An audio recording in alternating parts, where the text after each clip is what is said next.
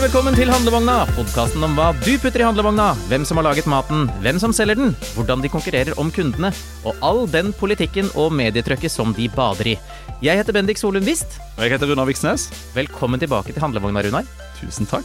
Det er en glede å være tilbake igjen. Ja, Og hva handles det i dag, Bendik? artig du skulle bruke handlelista. Det passer jo veldig bra når man er ute og shopper. Du, i dag så får vi besøk av Frode Steen. Og han er professor i konkurranseøkonomi ved Norges handelshøyskole, og forsker på mat og folks handlevaner. Spennende. Ja, ikke sant? Eh, og jeg skal spørre han om eh, hva som skjer med folks handlevaner når eh, prisene i samfunnet stiger, og hva som skiller nordmenns handlevaner fra f.eks. svenskene og danskenes. Det høres ut som utgangspunktet for en vits. Vi får se hva professoren har å si. Og til dessert så har du med et forbrukertips. Det har jeg. Jeg har vært på besøk på et eh, kaffebrenneri og lært meg et triks som gjorde kaffen jeg lager hjemme vesentlig bedre enn det den var før. Nå er jeg veldig glad for at du er min vert. Og jeg syns det er veldig hyggelig å ha deg på besøk. Uh, Jeg håper at lytterne holder ut hele veien til slutten, for da blir kaffen meget bedre. Men Runar, hva har skjedd siden sist som du tenker at lytterne bør få med seg før vi inviterer inn professoren?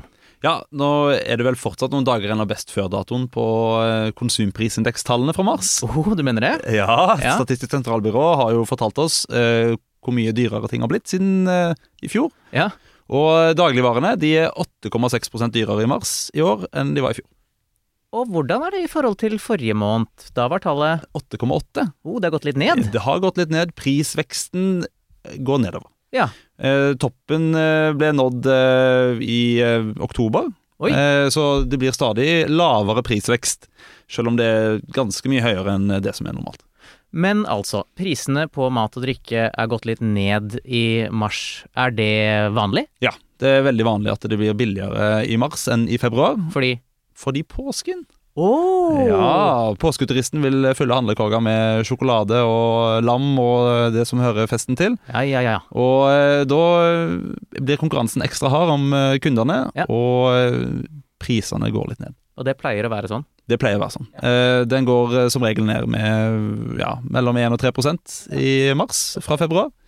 Og det slo til i år igjen, Ja. til tross for at prisene øker i produksjonsleddet. Nettopp. Og hvordan ser dette her ut i våre nærmeste naboland? Feirer de påske i det hele tatt der? Ja, en skulle ikke tro det hvis en ser på prisveksten. Å, hei, du. Eh, ja, der ble det lite igjen. Eh, I, eh, I Sverige så var prisveksten eh, til mars nesten 20 eh, Siden mars i fjor? Siden mars i fjor. Det er over dobbelt så mye, så vidt jeg klarer med min hoderegning. Ja, sammenlignet med Norge, ja. Ja, ja, ja. og i Danmark så var det nesten 16 eh, dyrere i mars i år mot mars i fjor. Det er mye mer enn her. Ja, det er mye mer enn her. Der er prisveksten på matvarer mye høyere enn i Norge. Det kan vi ha i bakhodet når vi eh, går til eh, kassa med handlevogna vår. Ja, du hadde fått et mye større palmesjokk eh, på palmehelga i Sverige og i Danmark enn du hadde fått i Norge. Vi får ta med oss det når vi inviterer inn vår nærmeste professorvenn. Ja, la oss høre hva Frode har å si. Hjertelig velkommen til handlevogna, Frode Steen. Takk. Veldig hyggelig å få lov å være her. Du er professor i konkurranseøkonomi ved Norges handelshøyskole, der du også leder forskningsprosjektet Food, som ble opprettet i 2016, og som i fjor ble videreført for nok en femårsperiode fram til 2026. Ja, det er en veldig bra sak. Vi har på en måte fått lov til å bygge opp noe, og det var veldig kjekt å få anledning til å fortsette det. Eh, Det er noe med at denne type prosjekter, så begynner du, på, om ikke på null, så i hvert fall ikke så veldig langt fra null. Og så får du bygge opp kompetanse, du får bygge opp folk, og så får du på en måte en posisjon i et marked. Og det føler jeg Food har fått. Og Derfor var det veldig kjekt at vi nå skulle få fortsette fem år til. Og så leste jeg også at du er også fast medlem av Konkurranseklagenemnda. Ja. Hva går det ut på? Nei, når Konkurransetilsynet gjør et vedtak, Mm. så var det tidligere sånn at det ble overprøvd politisk til Næringsdepartementet, men nå er det sånn at det går til denne nemnda. Og det er et alternativ til en tingrettsbehandling, rett og slett. Så den kan overprøve et vedtak fullstendig, og så kan det da si, bli enige i at det var riktig, eller de kan også sette det til side. Og så vil da nemndas vedtak eventuelt kunne overprøves i lagmannsrett. Nettopp. Litt folkeopplysning der, altså. Men eh, du, vi har jo snakket om det allerede, men kan ikke du fortelle litt om food? Altså, hva er det du og dine kolleger innenfor dette prosjektet forsker på? Egentlig veldig mye. Helt ifra hvordan handlekurven ser ut, eh, til eh, hvor mange, hva som driver oss mot Sverige for å handle. Hva skjedde når eh, ICA solgte seg ut av markedet? Hva påvirket det lokal konkurranse? Vi ser på hvordan tilpasser du varebeholdningen din lokalt når du har mindre eller mer konkurranse. Og vi har sett mye på produktivitet. Men generelt så er vi opptatt av faktagrunnlaget. Så vi prøver på en måte å frambringe nye fakta om bransjen gjennom en bok som vi har skrevet, gjennom forskningsrapporter, gjennom faktisk 50 masterutredninger som er skrevet i denne perioden, om bransjen. Og dermed så utdanner vi da flinke ungdommer som skal ut og jobbe, blant annet i denne bransjen. Og eh, dere arrangerer en årlig konferanse, Food-konferansen. Den gikk nylig av stabelen. Eh, og et sentralt tema der, det var jo kanskje ikke så veldig overraskende, eh, økende matvarepriser. Eh, og det er jo mange teorier og meninger om det der ute, men hva vil du som akademiker og ekspert på feltet si at er de viktigste årsakene til at maten akkurat nå er nesten 9% dyrere enn på samme tid i fjor?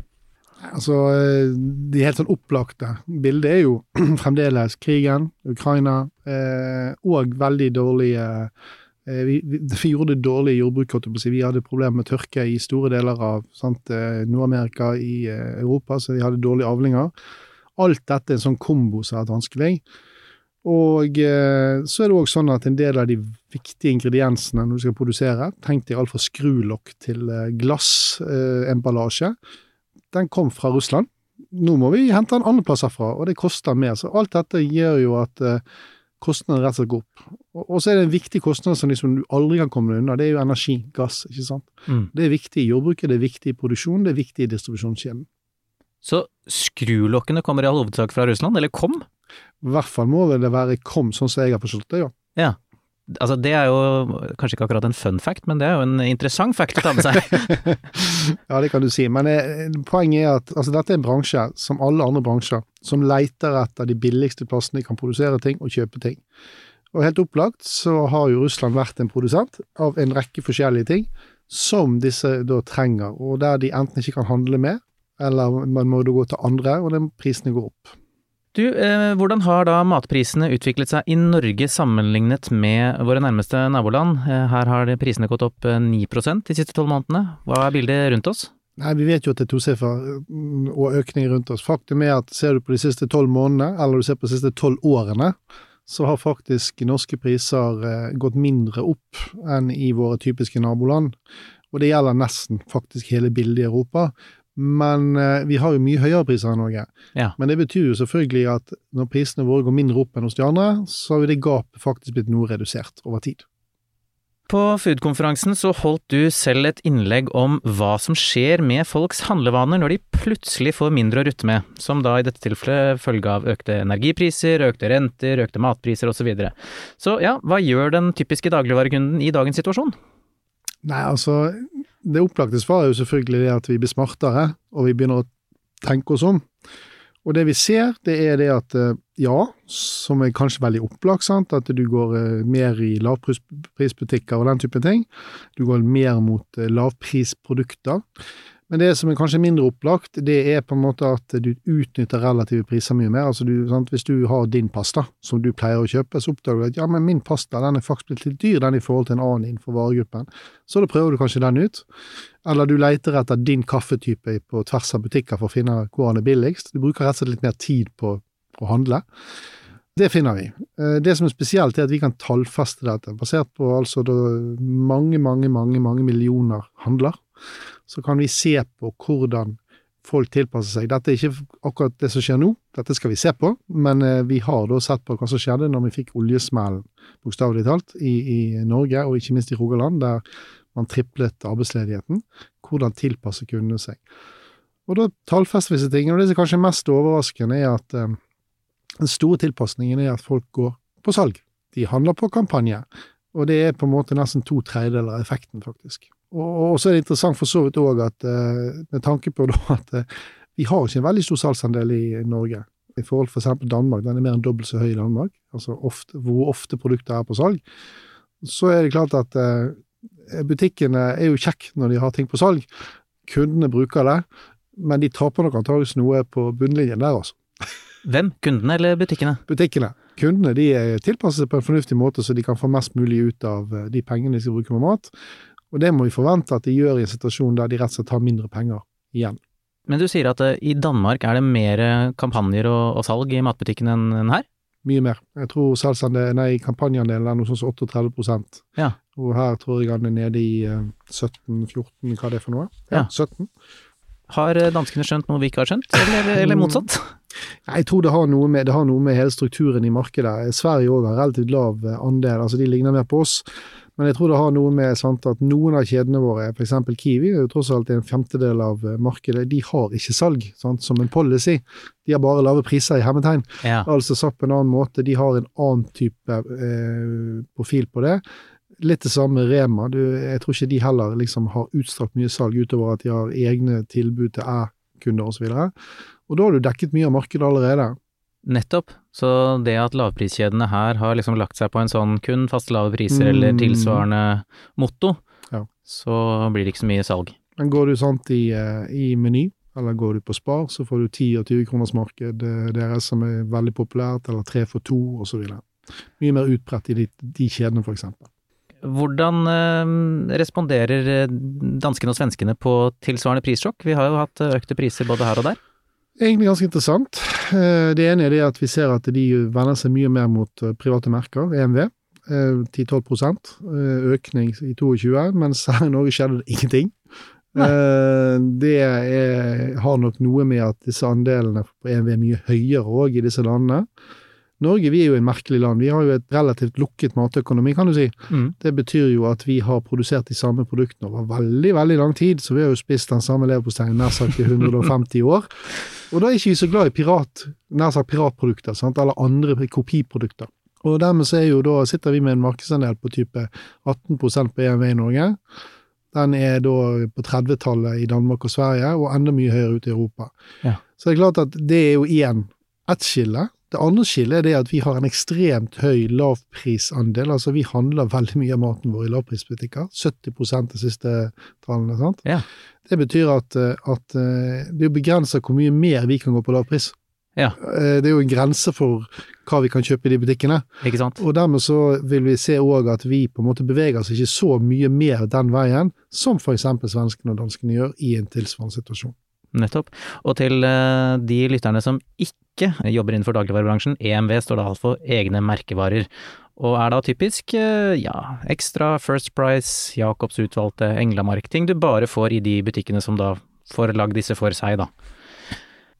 I innlegget ditt på Food-konferansen så refererte du til, eh, og nå siterer jeg, det politiske ordgyteriet om matpriser som bare forvirrer. Annet med noen utklipp og henvisninger til uttalelser fra to sentrale statsråder i regjeringen. Eh, Kan du fortelle litt mer om hva du siktet til her, om den politiske debatten? Jeg syns debatten er både litt uintelligent og fordummende for tiden. Eh, spesielt når det er snakk om å diskutere hva som skjer på enkeltproduktnivå. Det betyr at eh, man diskuterer at smør er blitt eh, dyrere enn det kostnadsendringen skulle tilsi, f.eks. Det er for meg veldig uinteressant. Det som er saken, er at eh, en matvarekjede de styrer etter gjennomsnittsmarginer. Det betyr at eh, når vi da møter en stor prisøkning, og vi får den i tillegg, som du sa innledningsvis, med stort inntektssjokk. Vi må kjøre bilen vår, vi må betale rentene våre osv. Så, videre, så betyr det at du fortsetter å kjøpe disse nødvendighetsartiklene. Du kjøper brød og smør og melk og alt annet det du må ha. Men det er ikke sikkert at dette er kjekt å ha på lørdag-produktet, at det er det du kjøper like mye av. Sant? Det betyr kanskje at du kjøper ikke så kult kjøtt til eh, middagen på søndagen, eller du kanskje til og med avstår. ikke sant? Mm. Dette vet kjedene, og det har noe med min og din prisfølsomhet å gjøre på hvert enkelt produkt. Og det er klart at skal de hente inn sin margin, så må de hente den på de produktene der salget ikke taper seg altfor mye. Ja, da gjør du det på disse her, kall gjerne nødvendighetsproduktene, mens de gjør det i mindre grad på disse luksusproduktene, da. Og eh, dette er jo ikke noe mer mystisk enn at når Audi skal, når de skal prise en Audi-bil relativt til en, eh, en Skoda, og begge deler leveres av samme konsernet, kan jo være at Skoda får en relativt sett høyere pris. For Skoda, bil må vi ha, men det er kanskje mer elastisitet i markedet når det gjelder å kjøpe de dyreste Audiene, ikke sant? Mm. Så dette dreier seg om hvordan alle som selger noe i retail, må tilpasse prisene sine. Og da blir debatten litt for dum på enkeltproduktnivå, da. Og, og så kan man jo i tillegg spørre seg om hva vi lærer av denne margindiskusjonen òg, da. For at eh, skulle vi da mene noe om enkeltbruksnivået, så er det jo nærmest vi skal tilbake til 60-tallet og begynne å regulere prisene. For da må jo noen si at smør skal ikke bli dyrere enn sånn og sånn. Og jeg husker Til konkurransen i Bergen så har de en sånn litt sånn artig sak. De har en vekt utstilt. Den brukte de tilbake til den tiden, da, for å gå rundt og veie brød. For å sjekke at de var ikke for tunge eller for lett, for det var prisregulering på brød. Jeg tror jo ikke at 2023-nordmenn ønsker seg tilbake til den virkeligheten. Selv om man kanskje skulle tro det, i, basert på noen uttalelser i media? Man kan lure på mye. ok. Næringsministeren har jo lansert det han kaller en tipunktsplan for å bedre konkurransen i dagligvaresektoren. Hva er din vurdering av den planen? Nå er jeg jo forsker, så jeg tenker jo det at det, det er fint med mer informasjon og ny informasjon, og utredninger kan være bra.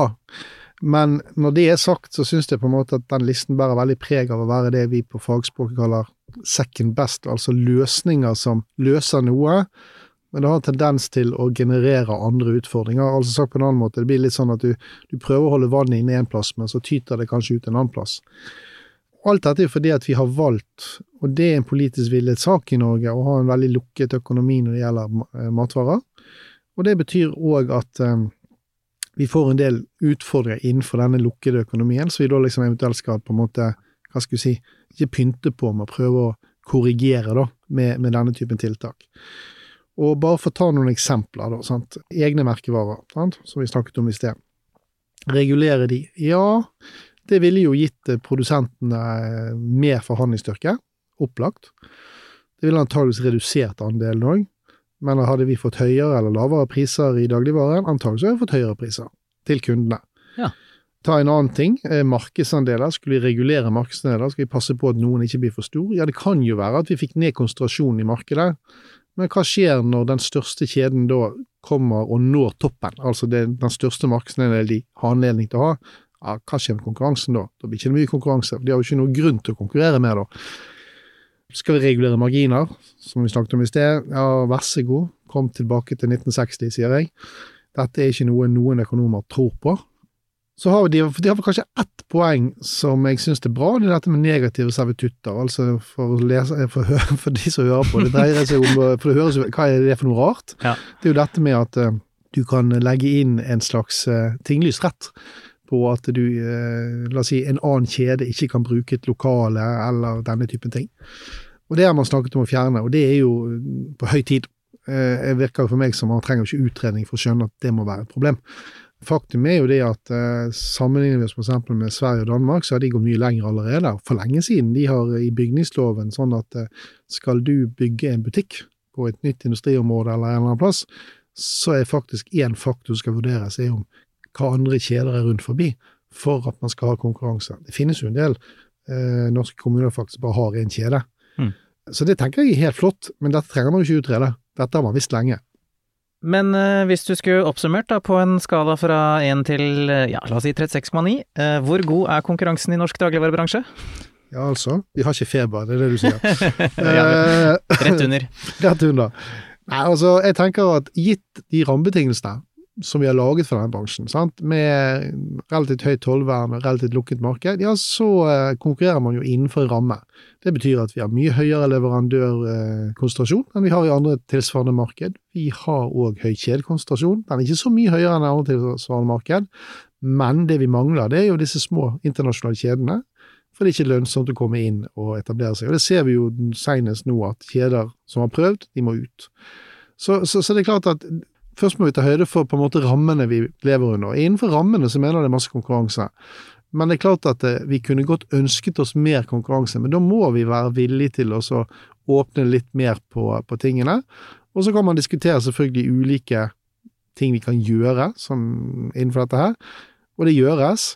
Men til syvende og sist så er på en måte det viktigste grunnen til at vi har den konkurransen, at vi har valgt å, å, og, lage en slags Jeg kaller det en kake. Mm. En matkake. Alle ønsker en del av den, og det konkurreres virkelig hardt om å få en del av den, på tvers av leverandører og kjeder og nær sagt grossister og produsenter. Men, men, det er klart at eh, vi er bare fem millioner mennesker i dette landet her.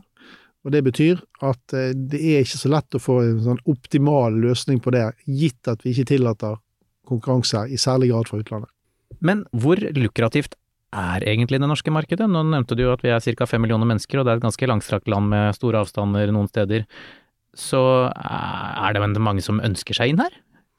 Det er klart at Hvis vi ser på distribusjonsproblematikken i Norge, eh, så er det en grunn til at vi har, har, har det sånn som vi har det. Altså Det er veldig dyrt å distribuere dette landet. her. Og kjede nummer fire de velger å bli distribuert av en av de andre, ikke sant? Altså bunnpris. Men du kan si det sånn, det jeg tror du ville ha sett, og det er det du ser for eksempel i Sverige, du ser det litt i Finland, du ville sett at de store befolkningsområdene ville du fått inn Aldi og Lidl, jeg tror de hadde klart seg òg bedre da, Mm. men du ville ikke fått de inn i Finnmark, du hadde ikke fått de inn rundt omkring i landet vårt, sånn at du kunne fått mer konkurranse i sentrale strøk på Østlandet, helt utvilsomt, og sikkert kanskje Bergen òg, men uh, ut på landsbygden i Norge, vi ser jo i dag, det er kun egentlig to kjeder som sto der, det er Coop og Norgesgruppen som velger å ha kjedekonsepter og convenience stores, ikke sant? Og det har jo noe med kostnadene, og så har vi én nasjonal pris, ja vel, det skal også leveres på det. Sant? Det betyr på en måte at eh, det er mye fairness i det, men det, det har en kostnad når vi skal levere på hvert et nes i Norge. Ja, melka koster det samme i Finnmark som i Oslo. Ja, og det er bra, Ja. langs mange dimensjoner. Men det betyr jo òg at det koster å drifte dette. Mm. Og så må vi jo da òg ta med oss, når vi liksom sammenligner, det er jo en interessant sammenligning. Tar du Sverige, da. Se på de tre nordligste fylkene i Sverige. De har altså bare to kjeder der. Vi har fire kjeder i alle de tre nordligste fylkene våre. Og Det har noe, jeg tror òg, med at det er en veldig klar sak i Norge at vi ønsker på en måte å være distribuert overalt, og vi, vi, vi, kjedene er på en måte nasjonale. Mm. Så det er klart at um, det, det er ikke noe quick fix på dette her. Det vet nok for så vidt eh, noen ministre som sliter med dette òg, men, men jeg syns på en måte at eh, vi må ikke la diskusjonen bli sånn eh, det kreves ikke å være matematiker for det å skjønne at noe er galt når smøret har økt for mye i pris. Det blir rett og slett litt for enkelt. Etter å ha forsket på matvarer og matvaner i en årrekke, har du noen fun facts om den norske dagligvarebransjen som du har lyst til å dele med lytterne av denne podkasten? Ja, eh, sant. Eh, en av de tingene jeg lærte før jeg begynte i denne bransjen, var at vi har så mange butikker i Norge. Ja, det har vi. Vi har dobbelt så mange per person som for eksempel i Sverige. Men ser du på hele landet, altså da Finnmark, i særdeleshet nordpå, men egentlig hele landet utenom Oslo, så ligner vi veldig på Sverige når det gjelder tilgjengelighet til butikker. For vi bor som vi bor. Her i Oslo er det interessant, og her er det så mye butikker at du har nærmest et valgproblem når du skal velge. Mm. Grensehandel er en annen artig sak, vi har jo gjort eh, analyser på det. Jeg ante ikke at én av tre vestlendinger eh, reiste til Sverige for å handle. Heller ikke at én av fire fra Sogn. Det er høye tall. Det er langt. Eh, Det er langt. Eh, Faktum er at det går busser. Det gikk i hvert fall busser før covid. Eh, 13 timer fredag, 13 timer hjem. Folk eh, fyller på bussen, og de, skal, og de handler i Sverige. Jeg sier ikke mer. Uh, Eh, ellers er det jo interessant at vi snakker veldig mye om eh, supermarked i Norge. Vi er veldig opptatt av at vi skal ha supermarked, vi skal ha ferskvarer, vi skal ha det ene og det andre.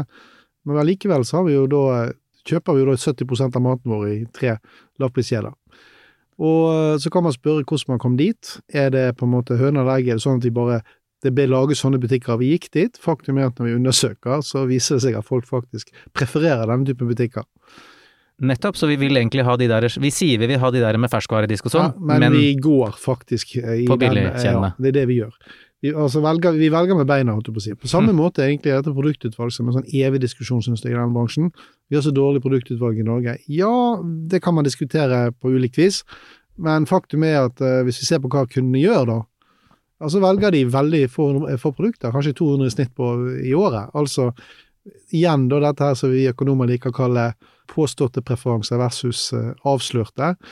Når vi handler med beina, bokstavelig talt, så havner vi på lavpris, og vi handler grunn veldig kjedelig. Da lar vi det være siste ord i den faglige debatten, fordi nå skal vi helt til slutt gå inn for en uh, silkemyk landing på et uh, ja, litt mer personlig dobbeltspørsmål. Uh, hva er din favorittmatrett hvis du er gjest eller går ut for å spise, og hva er din signaturrett hvis det er du som må lage maten? For å ta den første først, jeg er en typisk eh, middel, eh, middelaldermann. Nå tenker jeg ikke på at jeg er i middelalderen, men nå tenker jeg på den langt tilbake i tid. Hvis jeg får rødt kjøtt og får en god tanninrik vin, så blir jeg veldig lykkelig når jeg er ute. Ja. Eh, hva lager jeg sjøl? Ja, eh, bacalao pleide jeg å lage mye. Eh, men de siste årene så har jeg en god venn av meg som produserer Nei, han produserer ikke, men han skyter hjort. og, han har, og den er veldig god, og veldig høy kvalitet på. Og spør du ungene mine nå, så ville nok de sagt at pappa han elsker å lage noe med hjort. Gjerne med mye sopp og løk og rot, frukter av ulike ting, og gjerne litt vin i sausen. Det blir jo alltid bra. Ja, Ja. der omkring, tenker jeg. Ikke sant? Eh, tusen takk, Frode Steen, for at du kom på besøk eh, til handlevogna. Bare hyggelig. Og da, Runar, nærmer vi oss slutten av handleturen. Det gjør vi. Og vi har kommet til den spalten som eh, avrunder det hele, og som vi i forrige episode ikke hadde navngitt endelig ennå. Nei, vi diskuterte det jo litt sist, Ja. og nå har vi fått inn noen tips. Ja, for vi har jo eh, rett og slett opprettet en Facebook-gruppe som heter noe så enkelt som ja, Handlevogna. Heter det samme som podkasten. Og der kan du som lytter på melde deg inn eh, og komme med innspill. Og vi har fått inn massevis av tips til hva denne spalten kan hete. Ja, altså, diskusjonen gikk, eh, gikk helt for seg i kommentarfeltet. Og, og det er mulig å komme med tips til andre ting også i den gruppa, så meld dere inn i handlevogna. Vi har landet på at uh, der du avrunder handleturen, det er jo selvfølgelig i Kassa. Yes. Da er vi kommet til kassa, og eh, dette er jo ikke akkurat noen selvbetjent kasse. Nei, denne er bemannet med to karer, Veldig ineffektiv, uh, tungrodd kasse. men veldig hyggelig. Ja. Og her sitter vi. Ja, og i kassa i dag så har du med deg et forbrukertips. Ja, for som jeg nevnte innledningsvis, så har jeg vært på en uh, liten studietur på et kaffebrenneri. Uh, og der møtte jeg en uh, fyr som er utdannet seg til å slurpe og slafse kaffe eh, mange hundre kopper om dagen. eh, og eh, for å sjekke at kaffen eh, som de får levert inn, er like god som den de bestilte, før de slenger den til brenning. Ja, altså, Nå ser jeg for meg en sånn smått nevrotisk eh, person som går der med sånn eh, koffeinnoia. Som sitter og vibrerer ved pulten. Ja, sitter litt over stolen. Han her var veldig, veldig sånn chill, laidback fyr som eh, rett og slett eh, spytter i en bøtte. Ja, det, det er forklaringen. ja, litt sånn som eh, at vinsmakere og vinkelnere også spytter i bøtte når de skal lære seg forskjellige druer og sånn. Men det han lærte meg, eh, det var jo dette med presskanne. Jeg syns alltid at presskannekaffe har vært litt sånn eh, bittert og beskt.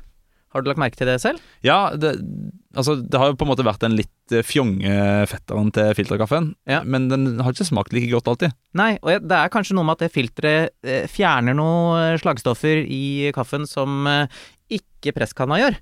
Og da lærte han meg dette tipset her, og det går rett og slett ut på at i en presskanne så heller du oppi kaffen. eh, Og da sa han eh, mellom 60 og 70 gram per liter, eller han sa 66,6 gram. The number of the beast. Ja. Eh, Han hadde masse tatoveringer og veldig kul type, dette her. Jeg tror det er valgfritt eh, mellom 60 og 70, men han gikk for 66,6. Helt klart, og det er lett å huske. Og så heller du på da eh, vannet, og så skal du jo stå og trekke noen minutter, en seks-sju minutter for eksempel. Og så har jeg alltid da bare trykket ned og drukket og tenkt at åh, litt sånn beskt. Men, sa han, før du trykker ned den der eh, trykkeren, da tar du en skje, og så poker du litt oppi toppen av der hvor gruten ligger på toppen, ikke sant? Der ligger jo mm. kaffegryna.